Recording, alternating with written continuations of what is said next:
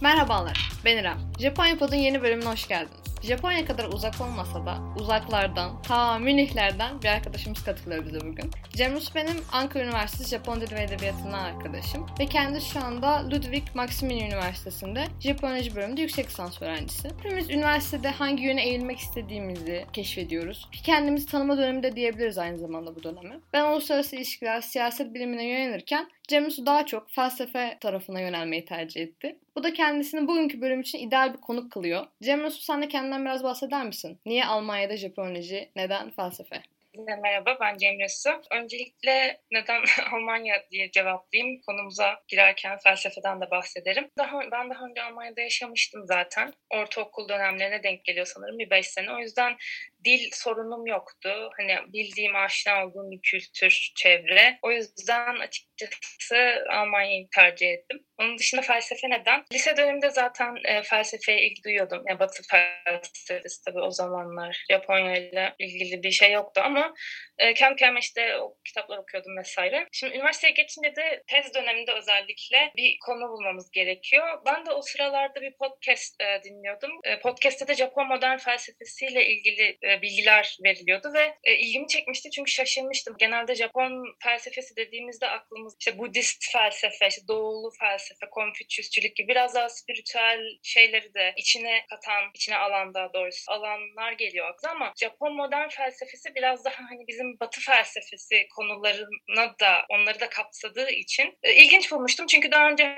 dinlediğim podcast'te işte bu biraz daha Japon modern felsefesi biraz daha bizim batılı anlamda felsefe dediğimizde aklımıza gelen konuları da kapsadığından ötürü e, ilgimi çekmişti. Çünkü daha önce hiç karşılaşmamıştım Japon modern filozofları vesaire. Bitirme tezinde de bu alana yöneldiğinden bahsettim. Bitirme tezin tam olarak neyin üzerineydi? Ve neden ilgini çekti? Tezim şöyle, Japon modern felsefesinde Alman felsefesinin izleriydi konum aslında. Hem birazcık yüksek lisansta Almanya'ya Almanya'yı hedeflediğim için Almanya ile ilgili bir şey katmak istedim. Tabii ki Japon dili ve edebiyatı, Japonoloji üzerine bir şeyler yapacağım için biraz ikisini birleştirdim ama Japon felsefesinde gerçekten e, önemli derecede Alman filozofların etkileri olduğu için bunu da yine o podcast'te dinlerken fark edip ilgimi çektiği için biraz onun üstüne eğildim. Nasıl olabilir, nasıl bir ilgi? Çünkü ikisi çok farklı coğrafi konumlardaki ülkeler. Biraz işte bu şekilde ilgimi çekti. O yüzden aslında bugün Cemus seninle konuşmak istediğim tam olarak Japon felsefesi değil de yani genel bir dönemi veya akımı değil. Daha genel bir Japon felsefesine değinmek istiyorum. Daha çok modern Japon felsefesi tarihine giriş gibi bir konu, başlıkta verebiliriz buna. Sen ne düşünüyorsun bu konuda? Buradan devam edelim mi? Şöyle Meiji döneminde batılaşma ve modernleşmeyle birlikte birçok yenilik geliyor Japonya'ya. E, bilim alanında da bir sürü gelişme oluyor. Öğrenciler Avrupa'ya ve Amerika'ya eğitim almaya gönderilirken aynı zamanda oralardan uzmanlar getiriliyor. Bu alanlardan biri tabii ki de felsefe. Öncelikle ilk problem felsefe terimlerinin Japonca'ya çevrilmesi. Burada Amanenishi giriyor devreye. Kendisi zaten Meiji Restorasyon'dan önce Leiden'a gönderilmişti Güney Hollanda'ya. Ee, aslında hukuk ve siyasi teori için ama burada ilk defa Batı felsefesiyle iletişime geçiyor. İnterdisipliner çalışan bir adam diyebiliriz yani bu adam hakkında. Aynen doğru. Tamam. Doğru. Zaten o dönemki e, çoğu bu şekilde e, Avrupa'ya gönderilen öğrenciler hep farklı alanlarla farklı alanlarla ilgileniyorlar. Birçok branşta bilgiler alıp öyle dönüyorlar ülkelerine. Bu şekilde diyebiliriz evet. Öncelikle ilk problem felsefe terimlerinin Japonca'ya çevrilmesi. Japonca'da hala hazırda var olan kelimeleri kullanmak ya da Avrupa'da kullanılan kelimeleri almaktansa yani fonetik olarak e, Çin karakterleriyle yani kanji ile yeni kelimeler türetiyor felsefi terimler için. Ve bunun sonucunda aslında sadece Japonca değil, Çince ve Korece'ye de yeni felsefe terimleri vermiş oluyor. Bu terimler Çin ve Kore'de de kullanılıyor yani. Bayağı önemli bir şey aslında. Düşünsenize türettiğiniz sözcükler başka ülkelerde de kullanılıyor hala. En önemli kelime Tetsugaku diyebiliriz. Kelimesinin anlamı bilgelik eğilim, eğitimi oluyor. Tetsugaku dediğimiz şey biraz da Batı felsefesi için kullandığımız terimle eşdeğer olarak düşünebilir miyiz? Yoksa Japon felsefesinden bunu bir şekilde ayırabiliyor muyuz? Şöyle, zaten Tetsugaku en önemli kelime diyelim ilk başta. Kelimesinin anlamı bilgelik eğitimi oluyor. Bu kavramın ortaya çıkardığı büyük bir tartışma konusu var. Tam da aslında senin e, sorduğun soru. Hala devam ediyor günümüzde bu tartışma. Tetsugaku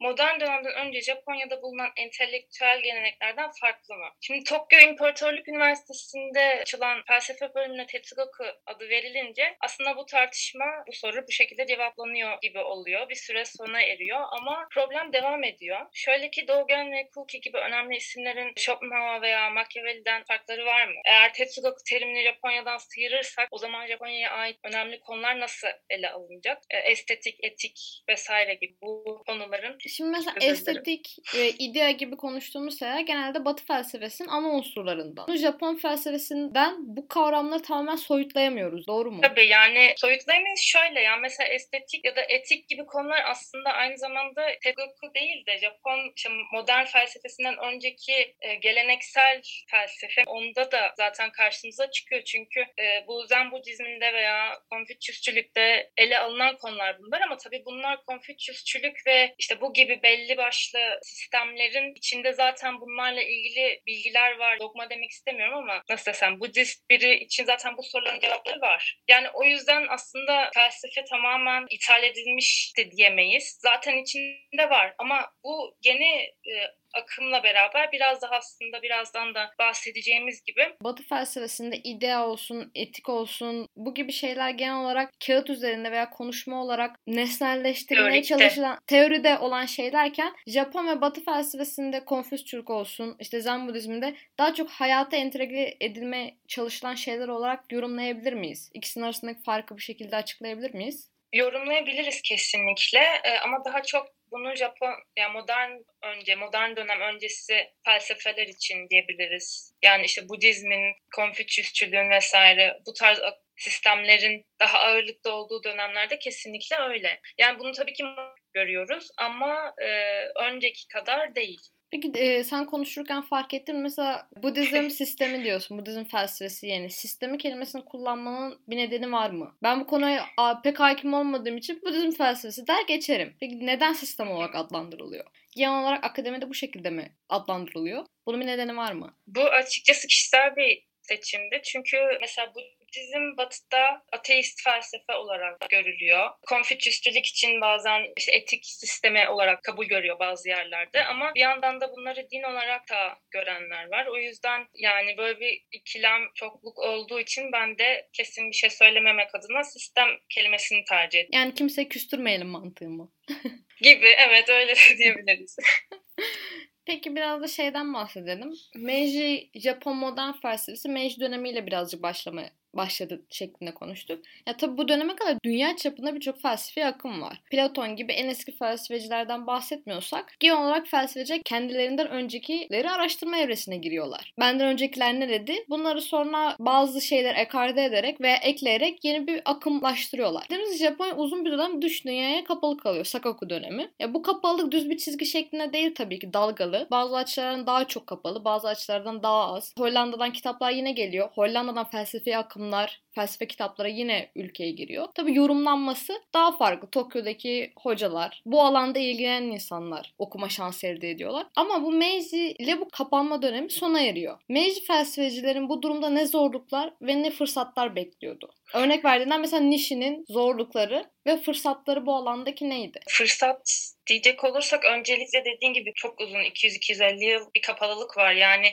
batıya karşı aslında çok çok fazla bilgi alabilecekleri şey var. Çünkü onlarda bu bilgiler yok. Gerek dille alakalı sorunlar işte sadece Hollandaca var birazcık biliniyor. İşte çok fazla yabancı dil yok. Bu yüzden çok fazla aslında kaynakları oluyor. Yani aç, açıldıktan sonra çok fazla kitap, makale vesaire. Hatta şey bile diyebiliriz yani mesela bu öğrenciler gidiyor orada ne bileyim Heidegger gibi Husserl gibi insanların, büyük önemli filozofların derslerine giriyorlar ve not tutuyorlar. Mesela bunlar bile aslında çok önemli kaynaklar. Bu fırsat diyebiliriz o dönemki filozoflar ya da işte akademisyenler için. Ya zorluklarda da dediğim gibi dil çok önemli bir sıkıntı. Bunu tabii ki oraya öğrenci göndererek büyük ölçüde çözüyorlar diyebilirim. Bir de şimdi tabii ki Japonya coğrafi olarak da çok farklı bir konumda olduğu için düşünce yapıları mutlaka çok farklı. Orada basit bir örnek o. Mesela varlık felsefesini batıda genelde varlık üzerinden ama doğuda genelde yokluk üzerinden alınır. Bu bile çok başlı başına farklı bir şey. Yani bu tarz birazcık karşı yani karşı taraf demeyeyim de yeni gel- gelen felsefe, yeni gelen düşünce akımlarını aslında anlamaya çalışmakta bir zorluk diyebilirim bu dönem için. Yani Japonya'nın belli bir süre bir şeylere kapalı olması yeni felsefe üzerine çalışanlar için hem artı hem eksi. Çünkü bu insanlara parlama şansı veriyor. Bu al- çalışılmamış bir alan olduğu için. Basit bir şey yapılsa bile, çok üstüne konulmasa bile yeni bir şey olduğu için Japon Akademisi yeni bir dalga olarak kabul ediliyor. Evet kesinlikle öyle diyebiliriz. Mesela Frankfurt okulu gibi akımlar var batıda. Japonya'da bir ekolleşme yaşanıyor mu? Çünkü felsefenin canlı olduğu bir ülkede hocalar ve öğrencilerinin farklı yönlere evrilmesi çok muhtemel. Evet, Kyoto ekolü diye bir ekol ortaya çıkıyor.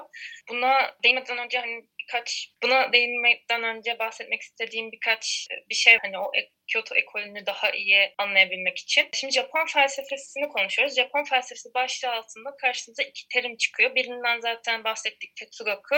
Diğeri de Japon düşüncesi olarak çevirebileceğimiz Nihon Shiso. Fujitama Sakatsu'ya göre şöyle bir durum var. Meiji öncesi düşünürleri Budist, Konfüçyüsçü ve diğer akımlar ışığında ve onların metinleri bağlamında yeterince eleştirel düşünmüyorlar. Ve bu da Japon düşüncesi olarak adlandırılıyor aslında ona göre. Ve zaten bir diğer tartışma konusu da premodern dönemde Japon felsefesi var mıydı? Hani buradaki kavramları denilemesini incelediğimizde de birçok özellik de ortaya konabilir.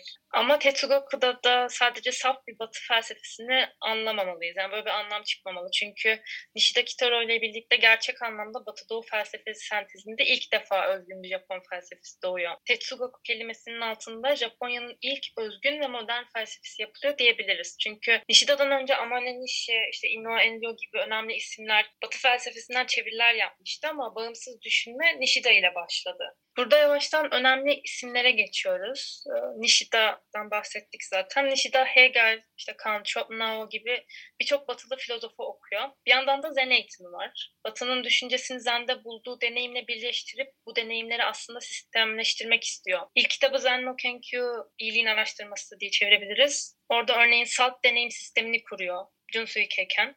Bu kavramla birlikte ilk defa batılı yöntemlerle doğulu bir düşünceyi özgün bir biçimde görüyoruz. Nishida modern Japon felsefesinin babası diyebilir miyiz? Aslında diyebiliriz. Birazdan değineceğim gibi Kyoto ekolünün kurucusu olarak da geçiyor. Burada şunu da görmek lazım. Bu mesela bu salt deneyim aslında William James'in yayınladığı bir makaleden ödünç alarak kendi anlamını yüklediği bir kavram diyebiliriz. Burada zaten Batı ile etkileşimi görüyoruz hemen. Batı'nın etkilerini görüyoruz. Yani bunu örnek olarak vermek istedim çünkü dediğim gibi yani bu net bir şekilde Batı'nın etkisini görebiliyoruz. Bu Nishida'nın felsefesinde çok var olan bir kavram. Zaten sonradan birçok değişimden geçiyor bu kavramda. Ama şöyle çok kısaca bahsetmek gerekirse hani madem söyledin neymiş bu diye soracak olursanız Nishida'nın tanımına göre süce ve objeyi bir yapan deneyim. Salt deneyim dediği şey.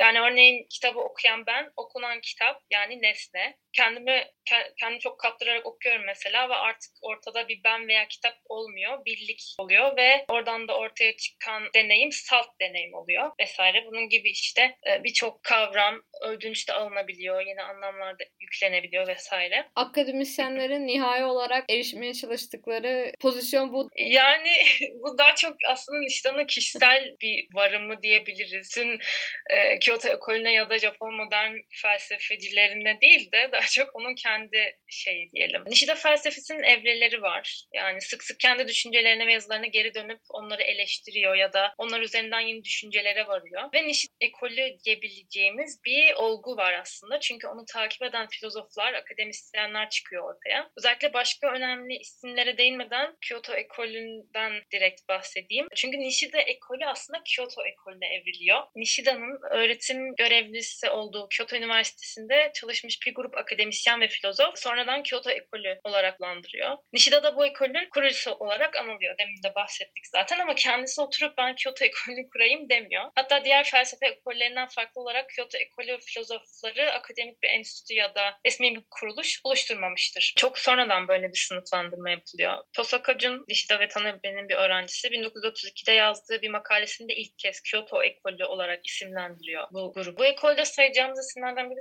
Tanabe Hajime'dir. Kendisi Nishida'nın emekli olmasından sonra onun yerine gelmiştir ve aslında, aslında Nishida onun mentorudur. Yani öğrenciyle hoca arasında beslenme süre geliyor. Aynen aynen öyle. Sonradan düşünsel anlamda araları açılıyor ama Tanabe Nishida'nın bir yazısını eleştiriyor. Oradan başlayarak gitgide araları açılıyor. Ama Tanabe'nin Nishida eleştirileri aslında kendisinin felsefesinin temelini oluşmasını da sağlıyor. Yani Nishida ve Tanabe ise Kyoto ekolünün temelini oluşturmuş oluyor diyebiliriz. Bir nevi taşlaşıyorlar.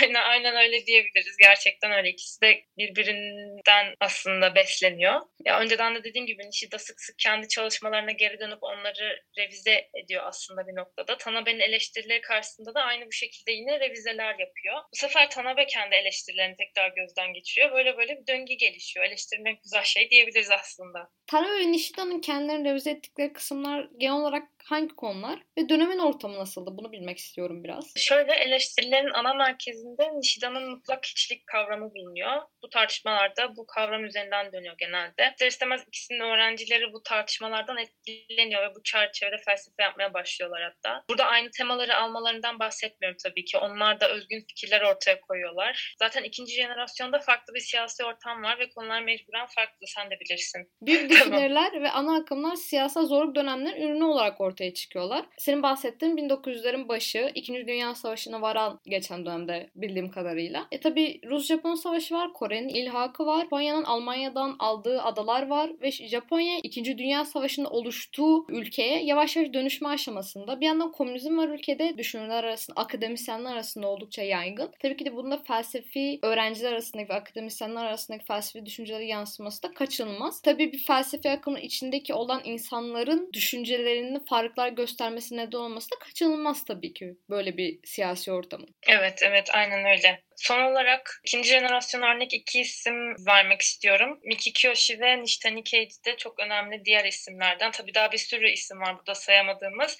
Ama isimleri değinmek istedim çünkü bu podcast'i dinleyip konuya merakı, ilgisi olan kişiler bu isimler üzerinden de araştırma yapabilsin. Çünkü Türkçe hiç kaynak yok maalesef. O yüzden konuya girmek oldukça zor diye düşünüyorum. Japon modern felsefesine giriş genel hatlarıyla bu şekildeydi. Cem Öz'e çok teşekkür ediyorum bugün bana katıldığın için. Asıl ben teşekkür ederim bu konuşmayı gerçekleştirdiğimiz için. Programı çok severek takip ediyordum ve burada yer aldığım için çok mutluyum. Zaten Cem Rosu podcast camiasından çok uzak bir insan değil. Kendisinin bir blogu ve podcastı da var. İlgisini kesinlikle öneriyorum. Linkini de aşağı bırakacağım notlara. Bakmayı ihmal etmeyin. Japonya Pod'un bir bölümü daha sonuna geldik. Yeni bölümde görüşmek üzere.